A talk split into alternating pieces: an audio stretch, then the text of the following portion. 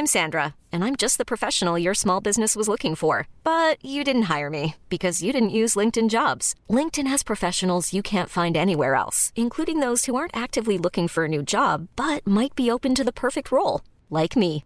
In a given month, over 70% of LinkedIn users don't visit other leading job sites. So if you're not looking on LinkedIn, you'll miss out on great candidates like Sandra. Start hiring professionals like a professional. Post your free job on linkedin.com/achieve today. Hey there, it's Michelle Norris. I'm host of a podcast called Your Mama's Kitchen. When I travel, I'm usually looking for a way to find a taste of home when I'm not at home. And one of the things I love to do when I am at home is entertain. And Airbnb allows me to do that. When I was in California recently, I rented a house that had a great kitchen. And when we were sitting around the table, we're all thinking, we're in someone else's house. Someone could be in all of our homes as well. If you have a home, but you're not always at home, you have an Airbnb. Your home might be worth more than you think. Find out how much at airbnb.com/slash host. Hey, I'm Ryan Reynolds. Recently, I asked Mint Mobile's legal team if big wireless companies are allowed to raise prices due to inflation. They said yes. And then when I asked if raising prices technically violates those onerous two year contracts, they said, What the f are you talking about, you insane Hollywood ass? F- So to recap, we're cutting the price of Mint Unlimited from $30 a month to just $15 a month. Give it a try at mintmobile.com slash switch. $45 upfront for three months plus taxes and fees. Promo rate for new customers for limited time. Unlimited more than 40 gigabytes per month. Slows. Full terms at mintmobile.com.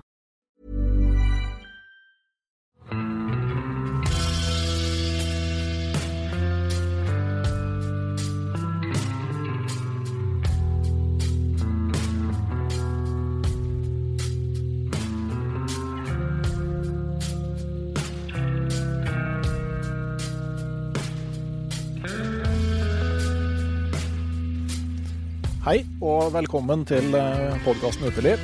Mitt navn er Randulf Valle, og gjesten som jeg har med meg i dag, kan jeg garantere at ikke har lasta ned den episoden her, hvis du har gjort det rett etter den ble tilgjengelig. For du, Helge Dalen, du er ikke i sivilisasjonen rett etter 20. august, er du det? Nei, da er jeg så utilgjengelig som du kan bli her i Norge, da. Og det er en utrolig deilig følelse. Hva er det du driver med da? Da er jeg langt inne i Sunndalsfjellet på rensjakt. Og det er dagens tema i podkasten Uteliv. Det er re- reinsjakt. Og eh, hva er det som er så stas med å jakte rein, Helge? Noen ganger så lurer jeg på det samme sjøl. Men også andre ganger så skjønner jeg godt hvorfor det er noe av det artigste som finnes. Nei, stasen, skal en si det med ett ord, så må det være friheten. Altså, det er ikke noe annen jakt hvor du kan når jeg jakt, Spesielt når jeg jakter i Sunndalsfjella. Jeg kan gå med makta i ei retning og fortsatt se på lovlig jaktterreng. Og du, du har så store områder å forholde deg til. Altså, jeg jakter jo hjort og elg òg, men det er ofte små vall og en, en åkerlapp her og en skogsteig der. Mens på rensjakta så er det så enorme Ja, det er enorme områder og enorme kontraster, da.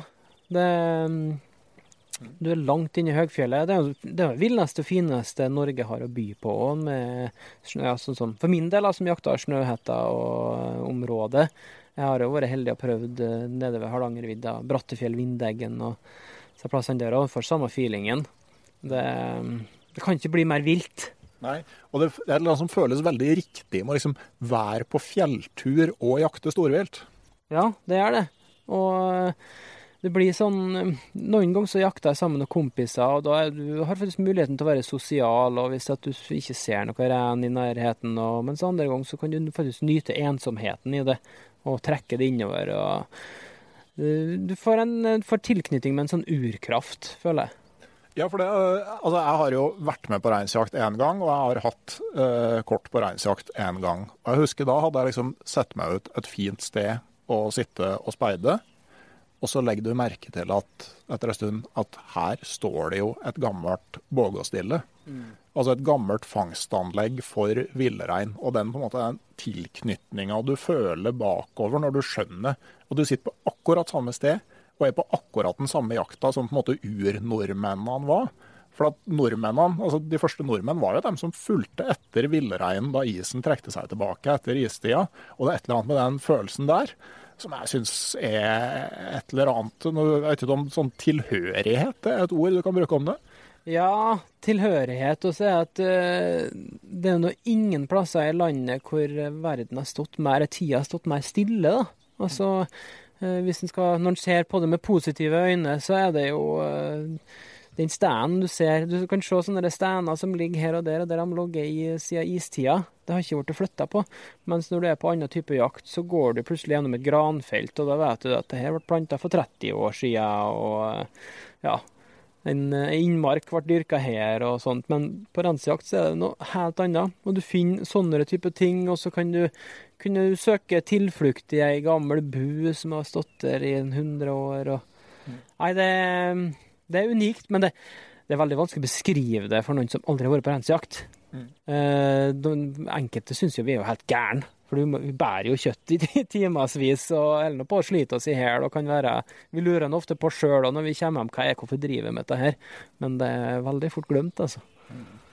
Selektiv hukommelse er en veldig fin eh, egenskap for alt av tur- og friluftsfolk. Ja, det er kanskje den beste egenskapen vi kan ha. Det er sikkert eh, den sterkeste egenskapen en rensjeger kan eh, ha, det er å fortrenge smerte. Absolutt. Men eh, det er jo ikke bare enkelt å få seg reinsjakt. Altså, hvordan får man jaktrett på rein? Ja, det er ikke bare enkelt. I hvert fall ikke hvis en uh, ikke har erfaring med hvordan en skal gå fram. Uh, og du er utenbygds. Da må du rett og slett innta, innta nettet. Uh, se på, på der de som legger ut. Du har jo Fjellstyra og iNatur og mange sånne sider som legger ut uh, renskorter, og da er det søknad. Men det en del folk tror, da, at det er eneste måten. Men uh, i veldig mange fjellstyrer så har du nå òg en del private rettighetshavere. Sånn som i, i Snøhetta, så har du òg muligheten til å få kort fra, direkte fra en grunneier. Og de har forskjellige måter de, uh, de selger sine kort. Men finn.no, det er mange som kjøper mye bra rensjakt på finn.no. Og andre, andre grunneiere igjen, derimot, de har eh, en fast, fast jegerstab, så de trenger ikke å drive med det. Og det, altså, En del av den private jakta, f.eks. For i Forhologna, så er det jo eh, veldig, veldig høye priser. Mens andre plasser så kan du jo få eh, Så er det ikke så stor forskjell på de private og de offentlige valgene når det gjelder pris, stemmer det? Ja, det stemmer. Forelogna, der har de jo lyktes og gjort forretninger ut av det. Og det er nå en grunneiers rett, det forstår jo de godt når de har muligheten til det. Uh, andre steder så har de gjort det på en annen måte, og det ganger meg bedre da, som har en normaløkonomi, kan du si. Så jeg er jo veldig begeistra. Jeg jakta jo, jakta jo Sunndalsfjella, som er mine på en måte hemfjell når det kommer til reinsjakt. Og jeg har, uh, har, fast kort med grunneier som er kjent i mange år, og uh, uhyre glad for å være på den lista der òg. Og derfor legger jeg òg ned den innsatsen som må til for å skaffe de dyra som jeg trenger. og og få fylt ut kortene mine. Det vet jo Grunneierne setter jo pris på det. Den forutsigbarheten er at de som eh, er på terrenget faktisk legger ned skikkelig med arbeid, det er nok viktig? Ja, ja det er uhyre viktig. fordi det, det handler jo ikke bare om penger for grunneierne heller. Selv om de, altså, det er en, en, det er en ressurs på gårdene de eier og får sært kortene sine. Men de er jo med å forvalte en rensstamme. Og det som jeg i hvert fall har inntrykk av, da, eh, det er at eh, grunneiere som har reinstammer, er ofte opptatt av det òg. Riktig forvaltning. Og da kan de være selektive på jegerne sine. De, for de ser jo raskt det at eh, en jeger som bare kjøper kortet, og som ikke da bryr seg så mye, tar seg noen finværsturer og ikke ender opp med å få tak i, det i lengda så er jo ikke det bra for stammen. Fordi du skal jo helst oppnå ei viss prosent avskytning. Det er jo Vi har jo tatt rovdyras plass og da har jo et ansvar om å holde stammen der den skal være. For det kan bli Det er ikke bra hvis stammen blir for stor. De har jo et beitegrunnlag, dem òg. Mm. Men en tredje mulighet til å få seg jakt, det er vel å sørge for at du er forberedt, og så begynne å ringe rundt et stykke ute i jakta? Ja, det er i hvert fall i Snøhetta. Eh, litt, jeg tror det er en del andre jaktområder eller villreinområder som har òg de de overføringsmulighetene. Eh, jeg uttaler meg på Snøhetta sine vegne nå, som jeg vet det. Så flere av fjellstyra der, sånn som Sunndal og Oppdal, og usikker på Lesja Dovre, så det kan hende de har muligheten. Men du kan iallfall overføre kort fra en jeger til en annen. Og er du da på hugget og klar, så greier en å skaffe seg kort, altså. Jeg har hatt mye bra rensjakt på kort som jeg har skaffa meg et par uker etter at jakta åpna. Og de er ofte billige. Ja.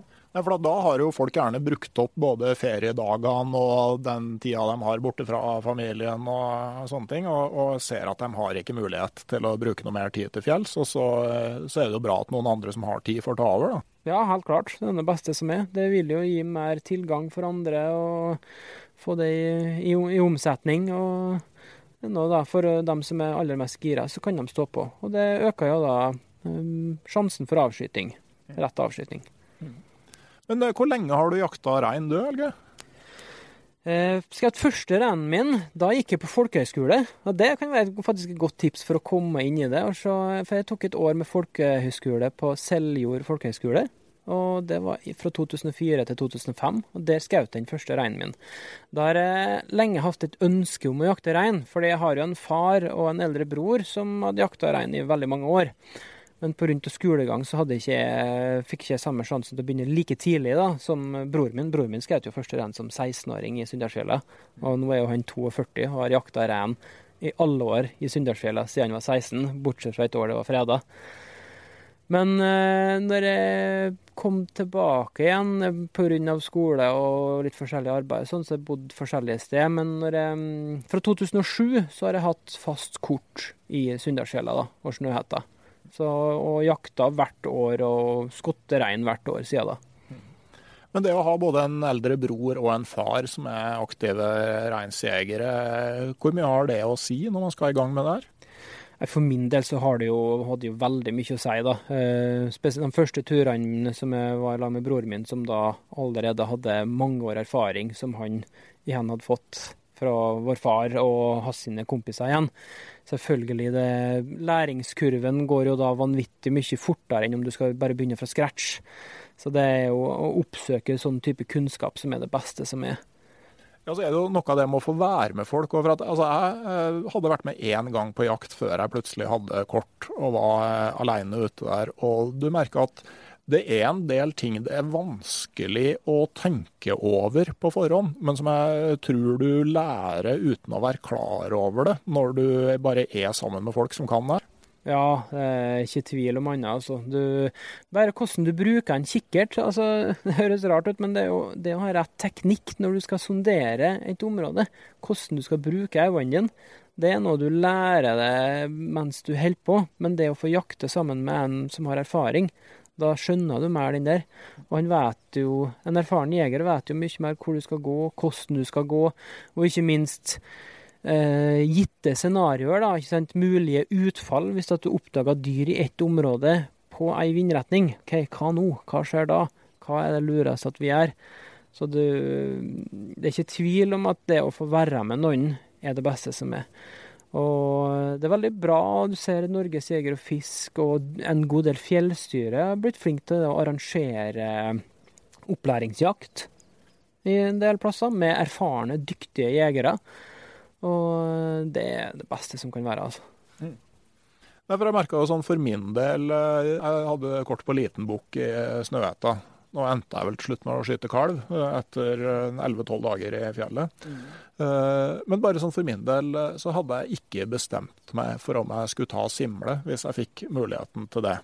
Og, og, plutselig begynne å lure på det når simla står med breisida til deg, altså, det er jo for seint. Ja, det er for sent. Uh, sånn som første dagen i jakta, så er jo det kanskje noe du ikke gjør. Men uh, hele tida tenker jeg OK, nå har jeg fem dager igjen å jakte. OK, hva, hva gjør jeg i dag hvis jeg ser det og det dyret? For det, Enkelte ganger har du kjempegod tid på det, andre ganger så må du ta en avgjørelse på en sekund, og det kan bety uh, forskjellen på uh, suksess og fiasko.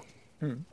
Ja, en annen ting for min del, da, sånn, øh, i og med at jeg hadde kort på, på returbok, da, at, øh, så ser du en bok som er feid geviret, og så begynner jeg å lure på betyr det at den er brunstig da? Eh, det er jo litt greit å vite hvis den plutselig står fritt. Og så kommer jeg fram til at nei, det, det vet jeg ikke. Ja. Så jeg sjekka opp etterpå, da, i hvert fall ifølge kontaktene mine oppe i Budalen inn mot Forelogna, så er ikke bukken nødvendigvis brunstig fordi man har feid geviret. Men hvis den ikke har feid geviret, så er den garantert ikke brunstig. Ja, ja det, jeg støtter den. Nei, jeg har hatt, altså, starten av jakta så er det rimelig trygt. 20. august ser du en bukk da, om det er feid gevir eller ikke, så er det jo eh, bare å klemme på hvis du har lov til det. Um, når du kommer, når du bikker september Det heter seg at det som setter i gang brunsten, det er jo de første frostnettene oppe i fjellet. Og uh, det kan jo være bare gammelt folke, folkeord, det, men det virker som om det stemmer. da. Og da setter i gang en prosess, men så tar det òg litt tid deretter uh, om når bukken blir brunstig. Men du ser det på oppførselen. Du ser det hvordan de er. altså De eh, driver dem på knuffer, i hvert fall hvis det er en, en flokk som du kan jakte som ikke er, ikke er pressa og opptrer naturlig. Hvis bukken bare går der og eh, beiter og koser seg og ikke går og pisser og har ståkuk hele tida, så øh, jeg tror det er trygt å skyte. Men eh, hvis du ser at den går og stanger på med andre og er aggressiv og litt sånn som så ta, så kan du helle igjen, ja. For eh, i motsetning til de andre hjortevilta, en, altså en brunstig elg eller en brunstig hjort, hvis du slakter den rett, så kan kjøttet være tilnærmet like godt. Men jeg har, jeg har faktisk gjort den fælen at jeg skjøt en uh, bukk veldig sent i jakta. Det var, det var, en, det var ikke den beste opplevelsen, det kjøttet der, altså. Samboeren min, når hun la det i stekepanna, og den pisslukta som, kom, som spredde seg i huset, det var ikke Jeg åt en del stykker av ren stahet, altså, men det endte opp med at hele bukken ble spekepølse, ja. Ok, jeg kan tenke meg at kanskje, kanskje chili con carne kunne redda han med ekstremt mye chili? Ja, hvis du er glad i mye chili, så uh, kanskje. Men uh, han, han, fungerte som spekepølse, så OK. Jepp. Uh, men hvis vi går litt tilbake igjen til liksom, forberedelsene før jakt, da, altså sånn, bare sånn med utstyr. hva er det som er sentralt for en reinsjeger? Nei, det, det, er vekt, og så er det at du er forberedt på alle mulige typer vær. da. Vekt og, vekt og komfort, da, kan du egentlig si. Men eh, det må du ikke veie for mye, for da du skal jo bære langt. Spesielt hvis du jakter i snøhetta. Eh, kan, jeg har jo skutt rein der som har hatt ti timer bæring på én vei. Er du en bukk, så skal du bære den, tar du ikke hele bukken i ett drag. Så hvert et gram du får ned i vekt, betyr noe. Eh, men aller viktigst er det praktiske. Altså om du legger om du legger 10 000 til en jaktdress, så er det verdt hver ei krone hvis den holder tørt, holder tørr når snøen kommer. For snøen kan komme altså på 1500 meter, selv om du skriver august ennå. Så det skal du være rensjeger og du planlegger å drive med det, spar ikke på pengene når det kommer til klær. Har du med deg sånn at du kan overnatte ute når du er på rensjakt? Jeg har iallfall med meg sånn at jeg kan overleve ute. Altså, jeg har en jervenduk. Det er det beste investeringa en reinsjeger kan ha.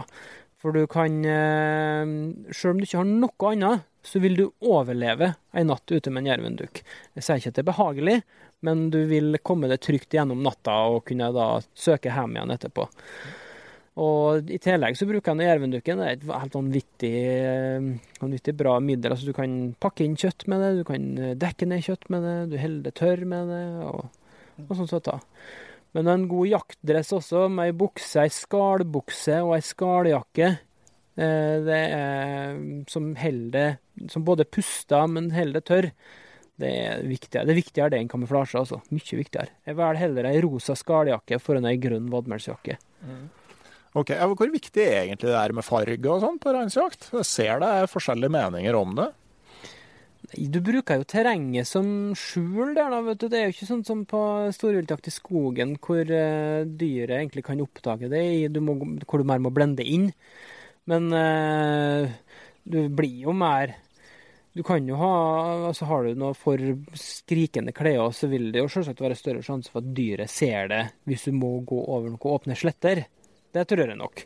Men ellers så har det veldig lite å si. Altså, så, som sagt, hvis valget har stått mellom ei, ei regntett rosa og ei eh, ikke-regntett grønn ei, så har jeg vært den rosa. Jeg tenker jo eh, Fottøy er vel relativt viktig. Nå er det jo litt sånn forskjellig underlag i de forskjellige villreinsområdene, men å ha gode sko som du er kjent med, det må ha mye å si. Ja, det har vanvittig mye å si. Og som du sier, det er stor variasjon på hvor du jakter hen. Mange områder har veldig mye, mye mose og den type grunn. Da kan du gå for noe lavere fjellsko. Mens eh, jakter du Sunndalsfjella og veldig mye steinur, så er mitt tips ta det høyeste av det høye. Altså. Det er høye jaktstøvler, bruker jeg. Ok. Jeg er jo ikke så veldig glad i det i høyfjellet, for at, øh, altså, det er fryktelig tung. Ja. Og du får, øh, altså, du får ikke noe mer ankelstøtte at det går opp under knærne. Nei, men du føler, du føler kanskje ikke hvis du bærer vanlig, men når du bærer en sekk på 55 kilo, så blir den Jeg mener i alle fall at den feelingen blir litt annerledes. Jeg har prøvd begge deler, og syns en, en høy jaktstøvel da ga meg mer.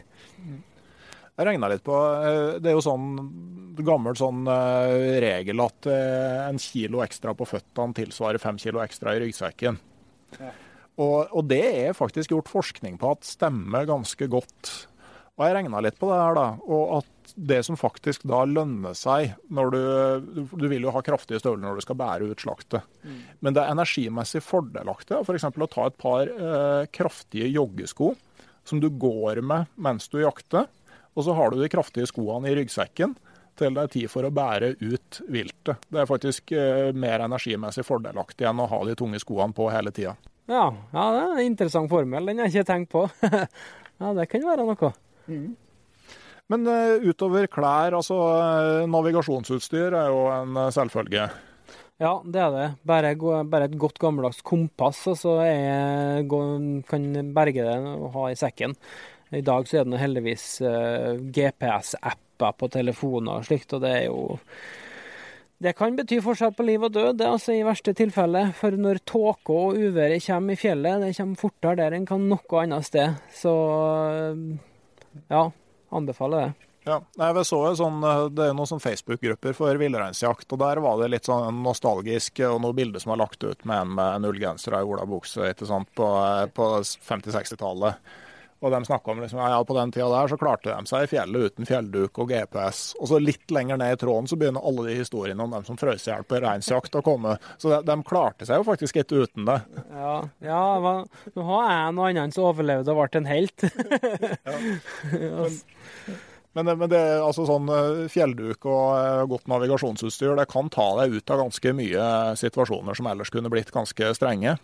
Ja, altså det kan gjøre situasjoner som uh, kunne vært strenge hvis du ikke hadde hatt det, til bare helt OK ordinære. Jeg har jo vært for gira jeg òg flere ganger og uh, ført etter uh, dyr lenger og lenger inn i terrenget og endte opp med å skotte f.eks. inn åttetida på kvelden og slik oppe i Sunndalsfjella. Og, og da begynner jeg å tenke at ja, pokker, ja, nå er det jo snart kveld. Og da kan det være greit å i hvert fall kunne ha en, en fjellduken som du kan da overnatte i. og ta ting med, med ro, det er vanvittig bergende. Det gjør at det blir bare, det blir bare litt hustrenatt, ikke noe mer. Det går an å vurdere eh, altså 500 grams dunpose òg, da. Det er mye ekstra komfort i den. Ja, jeg har ofte med meg det, altså. Det, det er litt etter hvilke turer jeg har. I Sunndalsfjella så vet vi av en del Vi har tilgang på ei bu oppi der, da, fått de siste åra. Men nå er det finvær, ser jeg at værmeldingen er fin, så setter jeg veldig stor pris på å overnatte ute, bare for at det, det, det er deilig.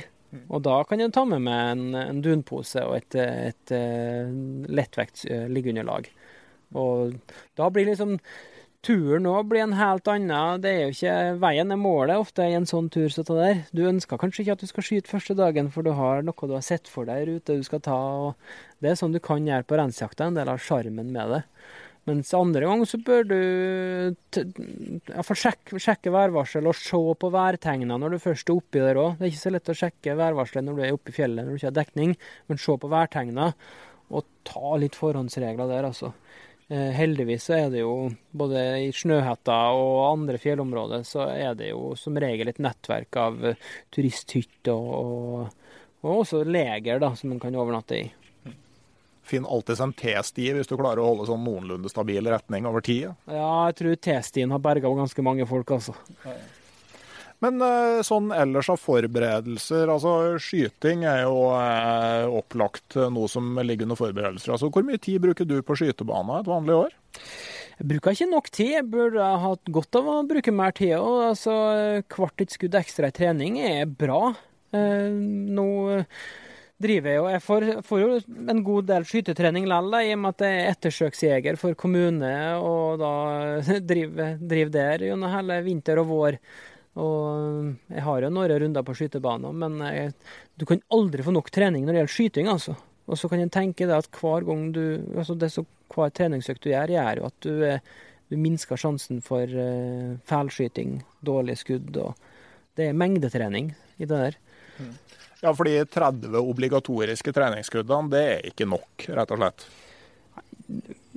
Egentlig, på papiret så føler jeg ikke at det er nok. Nei, noen har, har det så godt i seg at det, eh, det er nok. Men en del andre kunne har gått av en fire-fem kvelder til i året, ja, definitivt. Bare for å ha, være mer vant til våpnene sine. Mm. Men uh, det varierer fra person til person. Men lovverket kan ikke skille fra person til person, vet du. Men uh, jeg har ikke lagt med noe grenne hvis de hadde sagt at du skulle hatt 100 treningsskudd i året. Nei, jeg har egentlig kommet til å støtte den. Eh, og så er det jo noe med det at eh, det er veldig lett når du er på skytebanen og bare trener liggende, for at eh, det er sånn du skal ta storviltprøver. Men når du kommer ut i terrenget, så er jo ikke alltid altså Du kan til og med tenke at jeg skal jo skyte med anlegg når, når jeg kommer ute der, men det er jo slett ikke alltid at det er mulig i en jaktsituasjon sjøl på rein i Snaufjellet. Ja, det er sant det. Og hvis du da er komfortabel med å skyte både sittende og stående og det ene og det andre, og føler at du har god kontroll med i de situasjonene der, så vil det jo føre til bedre sjanse for å få skutt. da. Hvis du kun, hvis du alltid mener at du Hvis du ikke føler komfortabel med å skyte uten at du ligger og har anlegg, så vil du, du blir litt mer avgrensa. Ja, Det handler vel òg litt om å liksom få brakt på det rene hvor godt man faktisk skyter i forskjellige stillinger, så du har litt sånn uh, styring på hva du, hva du kan gjøre i forskjellige skytestillinger. Ja, for det er jo der, når det, når det kommer til stykket, så handler det jo om sikker skyting. Og så er en person som er en dyktig skytter, kan ha like sikker skyting han eh, sittende uten anlegg, som en, en eh, udyktig skytter kan ha liggende med anlegg. Så det er, en må vite sine egne grenser der, altså. Det, det, er det viktigste. Det, det, er vanskelig å sette en generell regel der, for det er så stor forskjell på folk. Mm. Hvis du sånn på starten av sommeren har fått reinskort, regnskort, altså eh, det å gjøre seg kjent i terrenget, altså eh, er det noe man må tenke sånn, Er det noe man kan ha stort utbytte av der, f.eks.? Ja, det vil en jo kunne ha. Ta seg noen turer i terrenget og og se hvordan området er, og tenke seg gitte situasjoner og alt sånn.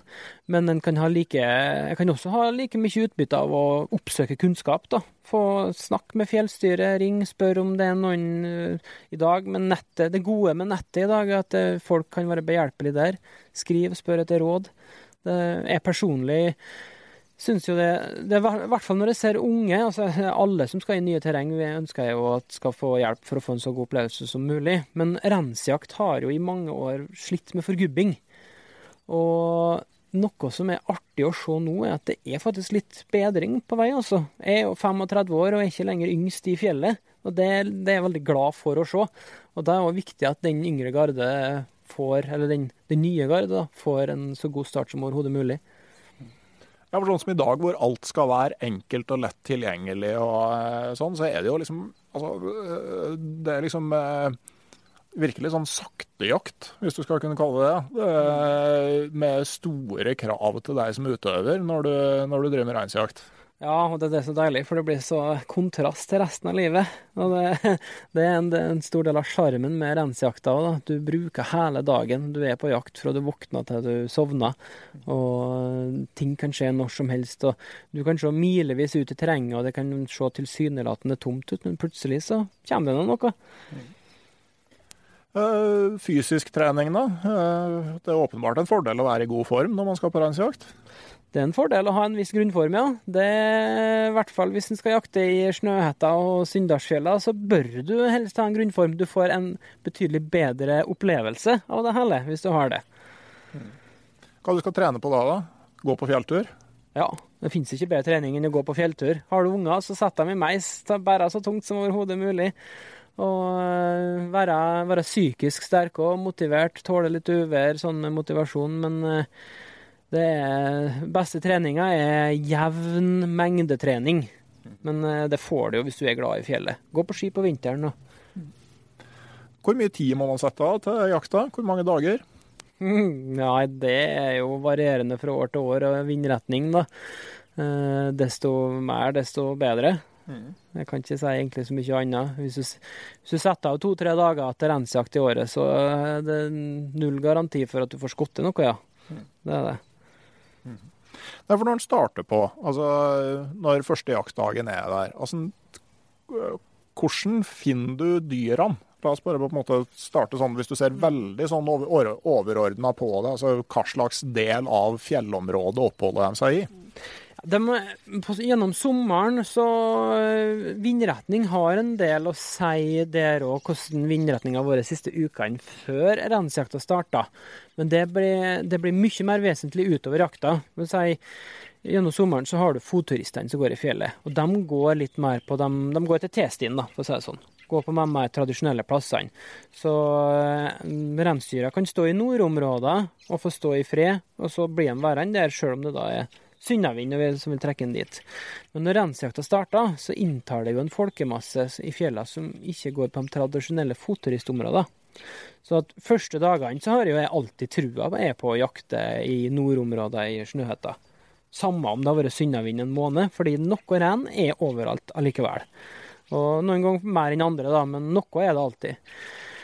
Men eh, hvis det da er jevn sunnavind etter at jakta starta, så vil reinen og hele stammen bli trukket sørover.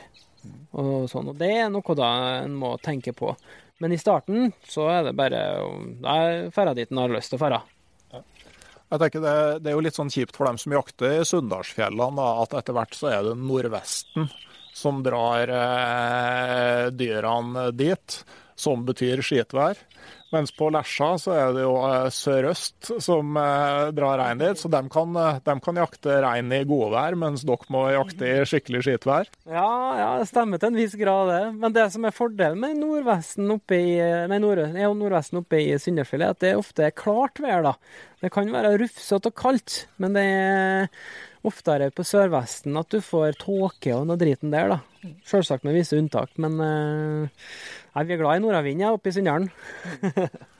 Men sånn når du entrer terrenget da, på, på, jakt, altså hvordan beveger du deg?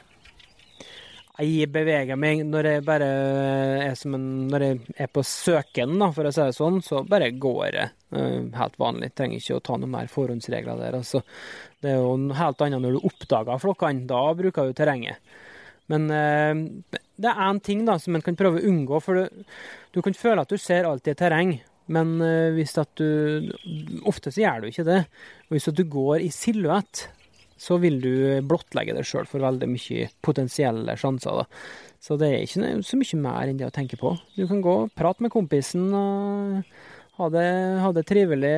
Og selvsagt kommer du inn og du vet at eh, du, eh, rett bak knausen her så avdekker seg et stort område som du ikke har fått sjekka ennå. Så ta litt forhåndsregler der. Men i vanlige transportatepper så er det bare å gå og kose seg. Mm. Ok, Men uh, når er det du på en måte slår om altså Går du til sånn helt til du finner rein, eller, uh, altså, eller hender det at altså, slår man seg til å begynne å speide? Eller, altså, for, det, for, det, er jo litt sånn forskjellige strategier. Noen som i større grad venter, og noen som i større grad går. Ja, det er dem som skal vente renn i høl, og dem som skal gå den i høl. Jeg er litt mer den siste kategorien, da, men det er fordi jeg er kanskje litt mer utålmodig av meg og liker den formen for jakt. Eh, det er helt klart, selvfølgelig så kan det være strategisk å sette seg ned på ett sted og sitte der. Du vet at her er det strategisk, før over siden så kommer det renn. Men det kan jo ta mange dager. Og eh, jeg liker å se nye ting, men kan, jeg kan sette meg ned i et uh, område jeg har trua på, så kan jeg være der i ja, for alltid fra en time til en halv dag. Men jeg sitter aldri i ro en hel dag, for det er alltid noe område du ikke ser allikevel. Og så er det en diskusjon da selvsagt blant rensjegere om eh, hva som er best. Jeg har jo opplevd å faktisk få kritikk fra andre, spesielt eldre rensjegere, som mener at du går for mye, det blir ikke noe å ta. Men jeg ser nå når året er over at det har nå skutt minst like mye, kanskje mer, eh, hvis at du beveger en del. Og så er det òg den biten at hvis du ikke har noen jegere som beveger seg, så blir det òg litt mindre fart i reinen. Så de jegerne som sitter i ro, de nyter jo godt av at de som beveger seg, setter litt fart og får bevegelse i dyra. da. Nå er det helt sikkert noen som er uenig med meg, men jeg føler iallfall det sjøl. Så er det mer givende for min del eh, å, å jakte på den måten, og det er jo da viktig. Du må jo kose deg mens du er på jakt. Hvis du liker å sitte i ro, så for all del, sitt i ro. Men eh, når du oppdager dyr, da, hva gjør du da? Ja, Det er jo eh, alt etter situasjonen. Eh, Ser du at dyret er på trekk og du er på rett sted, så kan du bli værende, men må du bevege deg, så er det bare å eh, være beslutningsdyktig og komme deg av sted. Bruk terrenget til din fordel. For det, som, som vi snakka om tidligere når det gjaldt klær, så skal du jo bruke terrenget i innsmyging. Kom deg på hold der. Skal du flytte og prøve å avskjære dyr òg, ikke la dem se det. Det er det. Og selvfølgelig det viktigste, den sterkeste sansen til reinen, det er jo nesen. De er jo helt rå på å oppdage det på, på lukt. Du må alltid tenke på vind. Nei, for kan du òg liksom bruke kunnskap om terrenget og kartet til å måte forutse når du, Hvis en flokk er på, eh, på vandring, da, altså prøve å forutse hvor den kommer til å befinne seg. Liksom, hvis du tenker en kilometer eller to framover. Ja, helt klart. Det kan du gjøre. Reinen kan leses og kan tidvis være litt forutsigbar hvis den ikke er veldig stygt. Uh, Ren som er veldig stygt, og f.eks. hvis det er flere jegere i området, de kan gjøre utradisjonelle valg. Men uh, ren som er bare på trekk, de følger ofte veldig de samme rutene. Det er det. Så det, der igjen har du, har du den kunnskapen i bakhånd fra, fra, som du har innhenta fra før av, fra din egen erfaring eller fra andres erfaring, så er jo det bra. Jeg var jo da heldig der når jeg starta med rensjakt med en far og en bror, da. Eh, Men eh, når på døgnet eller hvor tidlig om dagen starter du? Alt etter hva, hvor eh, motivasjonen er. Vi kan av og til starte veldig tidlig, altså. Spesielt første dagen i jakta. Da er vi, da er vi tidlig på. Men når du har jakta noen dager, så kan det være godt å ta noen timer ekstra med søvn på morgenen og fortsatt ha en veldig givende dag. Altså, Reinen slår seg jo mer til ro midt på dagen og har sånne hvileperioder. Men allikevel, altså, er du i bevegelse, så har du jo mulighet til å finne den. Så jeg, jeg har tidlig i jakta så er jeg tidlig på for å få mest mulig ut av dagen. Men det sier seg jo sjøl at du greier jo ikke å jakte når det er mørkt, så du må jo benytte lyset. Jeg syns det er så fantastisk de dagene man faktisk har, har kommet seg opp tidlig, og så lir du ut på den tida på døgnet hvor reinen stort sett legger seg ned og er rolig, og så kan du gjøre det samme. Ja, det er noe jeg har satt pris på. Jeg er glad i en sånn midt på dagen-blund i jervenduken, ja. Det er lite som overgår det. Men eh, tilbake, liksom, altså, hvis du får på deg en stor flokk, da, altså, hvordan eh, går du fram liksom, for, for å få isolert det dyret du, du skal ha? Altså for å ja, finne riktig dyr og komme deg på skuddhold? Nei, Du må bruke det nå igjen, vind og terreng. da. Komme deg inn på hold, og så må du hele tida tenke sikkerhet. Sikkerhet både i forhold til andre jegere, sikker skytebakgrunn, og ikke minst andre dyr. Det er jo det som oftest skjer da, hvis noe går galt i en skuddsituasjon. Det er at du blir litt for eh, at, ja, Det har skjedd at jegere er litt for brennhette og skyter et dyr, og så sto det et dyr bakom. Eh, vi snakka jo Høgfjellet her òg. Det er mye stein. Det er rikosjett å tenke på. Så det desto Desto bedre vinkel det er på dyret du skal skyte i forhold til andre dyr, eh, desto bedre er det. Ja, og Spesielt det her med andre jegere i terrenget. altså Det er jo en ganske sånn stor usikkerhetsfaktor på mange måter. Ja, det er det. Og der er fordelen med jaktradio er at du kan få kommunikasjon med andre jegere. Men eh, sikker skytebakgrunn, altså, det er uhyre viktig. Det, dessverre så skjer det jo ulykker der rundt omkring i Skandinavia, og det, følgene kan være fatale. Men eh, jeg tenker at eh, altså, er det riktig at det var litt mer sånn cowboytendenser i fjellet før? Altså har, eh, Er de yngre jegerne eh, liksom roligere nå? Ja, det kan godt hende. Jeg vet jo ikke. Jeg har jo hørt historier om før, men det er jo cowboyhistoriene som kommer fram. da. Jeg har veldig god tru og har lært mye god moral av gamle jegere, heldigvis. Det er jo dem som har brakt det videre. Og jeg vet jo sånn Far fortalte jo mye til at eh, det var jo på 50- og 60-tallet sånn, så var det jo regler i Sunndalsfjellet om at du kun hadde lov til å Du måtte plombere gjeverne. Du må sette i, Eller du måtte ikke fysisk plombere, men du måtte ha et sånt et opplegg som gjorde at du kun kunne skyte ett skudd, og så sette inn igjen et nytt skudd. Det var ikke lov å ha i magasinet. Så de har jo fokuset da òg, på at ting skulle gå rett for seg. Men um, jeg tror det var litt lettere å ta sjanser før da enn hva det er nå. Det, det, er jo mer folk i fjellet nå enn hva det var før, og vi, vi vokta hverandre litt. Da. Det er noe så. Ja, sånn med, med, skytehold og sånne ting. Altså at øh, øh, Altså at øh, i hvert fall ikke noe sånn dårligere jaktmoral nå enn det var? Nei, det er mer litteratur tilgjengelig. Også, men vi også, den teknologiske utviklinga har gjort at vi har mye mer bedømmelseshjelpemiddel. For det er jo ikke noe sted er vanskeligere å bedømme avstand enn på rensjakt og i høgfjellet. Men med avstandsmålere, gode kikkertsikte og uh, mer kunnskap på hva som skjer i de forskjellige vindretningene, det tror jeg bare er positivt da, at vi har fått inn. Mm. Bruker du avstandsmåler? Jeg bruker avstandsmåler i kikkerten min, det gjør jeg. Og jeg syns det er uhyre godt. Altså. Det, det er Enkelte kan jo si at det er juks, men det, det er noe gjerne og Det hele er kun bare mer etisk. Jeg har vært ganger hvor jeg har trodd at nå, nå, begynner jeg å komme på hold, og så tar jeg målet og så er jeg på nesten 300 meter. Og det er i mine øyne så er det ikke forsvarlig, da. Eh, andre skyttere som har mer erfaring på langholdsskyting, kanskje. Eh, det er ikke min greie, iallfall. Jeg føler at du bør inn på Mitt nivå er at jeg tør på rundt 200 meter. Da føler jeg at jeg har kontroll på et dyr som er helt stille i vindstille. Er det vind, så skal du tenke på det. Det er mye kuledrift, altså. Mm. Ja, jeg liker meg best når det begynner å stå 100, eh, og godt ned på 100-tallet. Ja, jeg liker meg bedre da jeg også ser en mulighet for å få til det, så, så gjør jeg det. det men eh, eh, jeg personlig har, føler at jeg har såpass skyteerfaring med opptil 200 da, og vet hvordan våpenet mitt oppfører seg på de avstandene, at er det vindstille og et dyr som står i ro, så OK. Det er nettopp derfor det er greit å bruke litt tid på skytebanen, så man veit uh, hvordan det her, uh, hvordan det her uh, utspiller seg. Men hvis man da har fått skutt og felt et dyr, da, så er jo ikke jakta helt ferdig da? Nei, Da starter det som vi skal fortrenge da, når turen er over. Først du skal gjøre, er å skjære kortet. Det er jo regel, tror jeg, i alle villreinområder. Det er i hvert fall det i Snøhetta. Du skal skjære kortet med en gang. Selvfølgelig bløte du dyret òg, sånn at kjøttet blir best mulig behandla.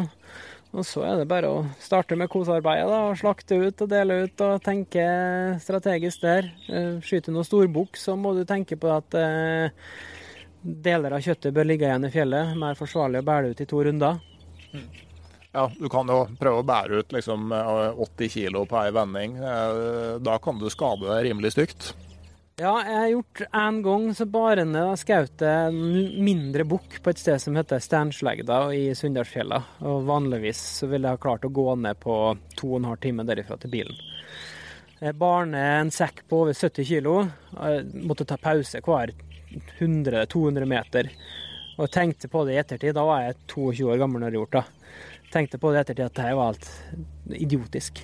Dette har ikke noe For en liten, et lite overtråkk og der du kan ødelegge føttene dine. Så det, og da mye fremtidig rensjakt som går eh, fløyten. Så jeg føler sjøl at jeg har en sånn smertegrense med kontroll da, på en sekk på 50-55 kg. Da er ting bare et, eh, et, Det er slitsomt, men jeg har relativt bra kontroll. Jepp. Så med slaktinga, hvis folk er usikre på det? Ja, en bør sette seg inn i det. altså Tilegne seg sjøl kunnskap før en drar av sted. Eh, det er mye bra en videoer på nett, YouTube og, og ellers òg. Og gå slaktekurs hvis du ikke har erfaring med det. altså. Det, det arrangeres ofte. og Bare få være med jegere på hjortejakt og, og, se der. Men, men, ta det tida. Husk på renskjøttet er noe av det beste kjøttet som finnes. Det er verdt å få med seg hvert et gram av det. Det finnes jo ikke noe mer sunnere å ha til seg, tror jeg iallfall. Nei, og, men samtidig også, liksom, jeg var jo ganske skeptisk på, eller sånn usikker på det. Altså, Jeg har jo ingen familie som har vært jegere eller noen ting. Uh, men egentlig, altså så uh, så er det ikke så forskjellig fra å gjøre opp en fisk eller rense en hare. Og så blir det jo egentlig enklere når det blir litt større. Altså, det er klart Når du begynner å komme på en elg, så begynner det å bli så tungt at det blir vanskelig. Men altså, et reinsdyr er egentlig sånn relativt lett håndterbart. Og det at delene er litt større, gjør det jo enklere å finne ut av.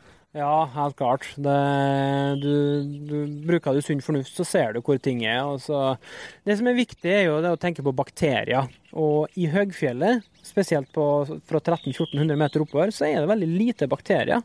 Det er rent og fin luft og, og sånt. Så det er bakteriene som da kan være farlige, det er jo magebakteriene inni reinen.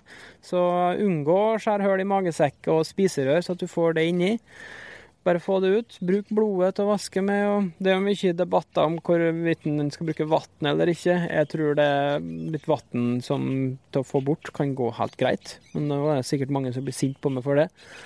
Fordi det hetes jo at vannet kan spre bakterier innover forskjellige slimhinner og sånt. Men um, nei, jeg har ikke blitt dårlig ned, iallfall. Nei. Nei, og sånn, hvis du, øh, hvis du må bære ned i flere vendinger, hva gjør du med det kjøttet du legger igjen? Det er ned. Og da er det noen ting du må tenke på. En ting er å få det bort ifra flua. Hvis, det hvis det er veldig varmt, så vil jo flua kunne ødelegge kjøttet. Så du må ure såpass bra ned. Og så må du også ure ned såpass at eh, det ikke kommer inn mus, røyskatt eller jerv. Alle så det må tenke på. Og fugler, selvsagt. Jeg har gjort det mange ganger, og det har gått bra, med unntak av én gang. Det var en gang jeg skjøt ei diger simle inni et sted som heter Grythålet i eh, snøhetta. Men når du er i grythålet, da er du så langt inn i snøhetta så du kan få ut det. Det spiller ikke noen rolle om du går ut til Lesja eller Dovre eller Oppdal eller Sunndal. Jeg kjenner jeg blir sliten bare du sier det. ja, jeg brukte det er ti timer brukte jeg i vending fra Grythålet ut til bilen min som da sto på Middagsgjeldene ved, eh, ved Sunndal. da. Men det var jeg skjøt ei stor simle der, og jeg mm, skjønte at eh, jeg ville gå ned til ei turisthytte for å overnatte, og så gå ut igjen dagen etterpå. Og da ura jeg ned bare hele dyret. Og så gikk jeg ned en time da, cirka derifra, time eller annen ned til en turisthytte. For da fikk jeg god natts søvn i seng, faktisk. Det er jo sjeldent oppi der. Morgenen etterpå som jeg kom opp, jeg hadde tatt veldig mye stand og forhåndsregler, men tydeligvis hadde det kommet en røyskatt inn der, da. Og han hadde tatt begge filetene med svinpelsen. så det var god vinter for han. Og så tenkte jeg, måtte jeg prøve å se det positive på det. At eh, når jeg først skulle bli rana av en sånn en, så var det godt at det skjedde den gangen jeg skjøt så langt inn som du overhodet kan. For da sparte han meg for den vekta der. høres greit ut. Høres greit ut. Jepp.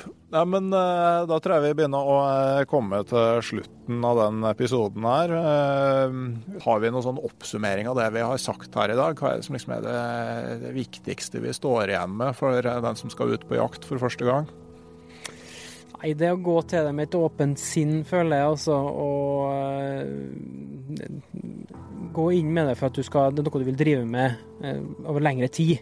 Og så søk den der. Det er det er sånne opplevelser. Du kan ha dårlige opplevelser i starten med, hvis du møter dårlig vær, men rensjakt det, det, gir sånn enorm naturglede og, og vanlig turglede. Det, jeg ser bare min, har jo med min samboer som ikke er jeger, men hun storkoser seg når vi er på rensjakt. Vel å merke godt vær.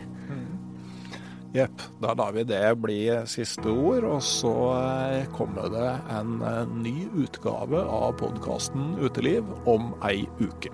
Ha det bra. Mm-hmm.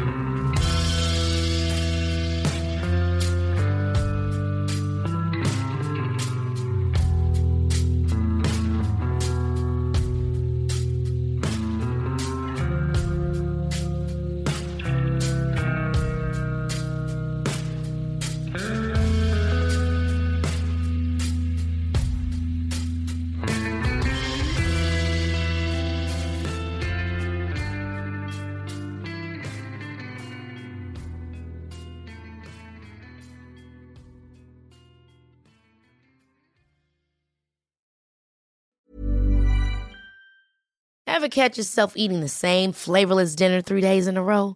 Dreaming of something better? Well, HelloFresh is your guilt-free dream come true, baby. It's me, Kiki Palmer.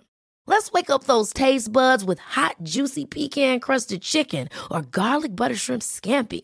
Mm. Hello Fresh.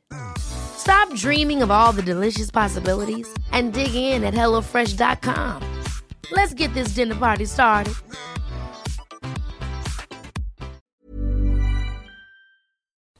Hei, jeg heter Nore Helligsen og er daglig leder i Barents Outdoor.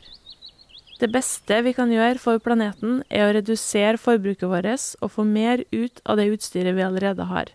Men vi vet av erfaring at bruken av telt kan endre seg over tid. Det teltet du kjøpte for to år siden, passer kanskje ikke det behovet du har i dag. Derfor har vi i Barents etablert en egen panteordning der vi tar imot brukte telt av god kvalitet i innbytte når du kjøper et nytt av oss. Prosessen er enkel. På barentsoutdoor.no gir du oss informasjon om teltet du vil bytte inn. Basert på det får du et tilbud fra oss som gir deg rabatt på ditt neste Barents-produkt. Mer info og betingelser finner du på barentsoutdoor.no. Og husk at den første reparasjonen på produkter fra Barents er alltid gratis.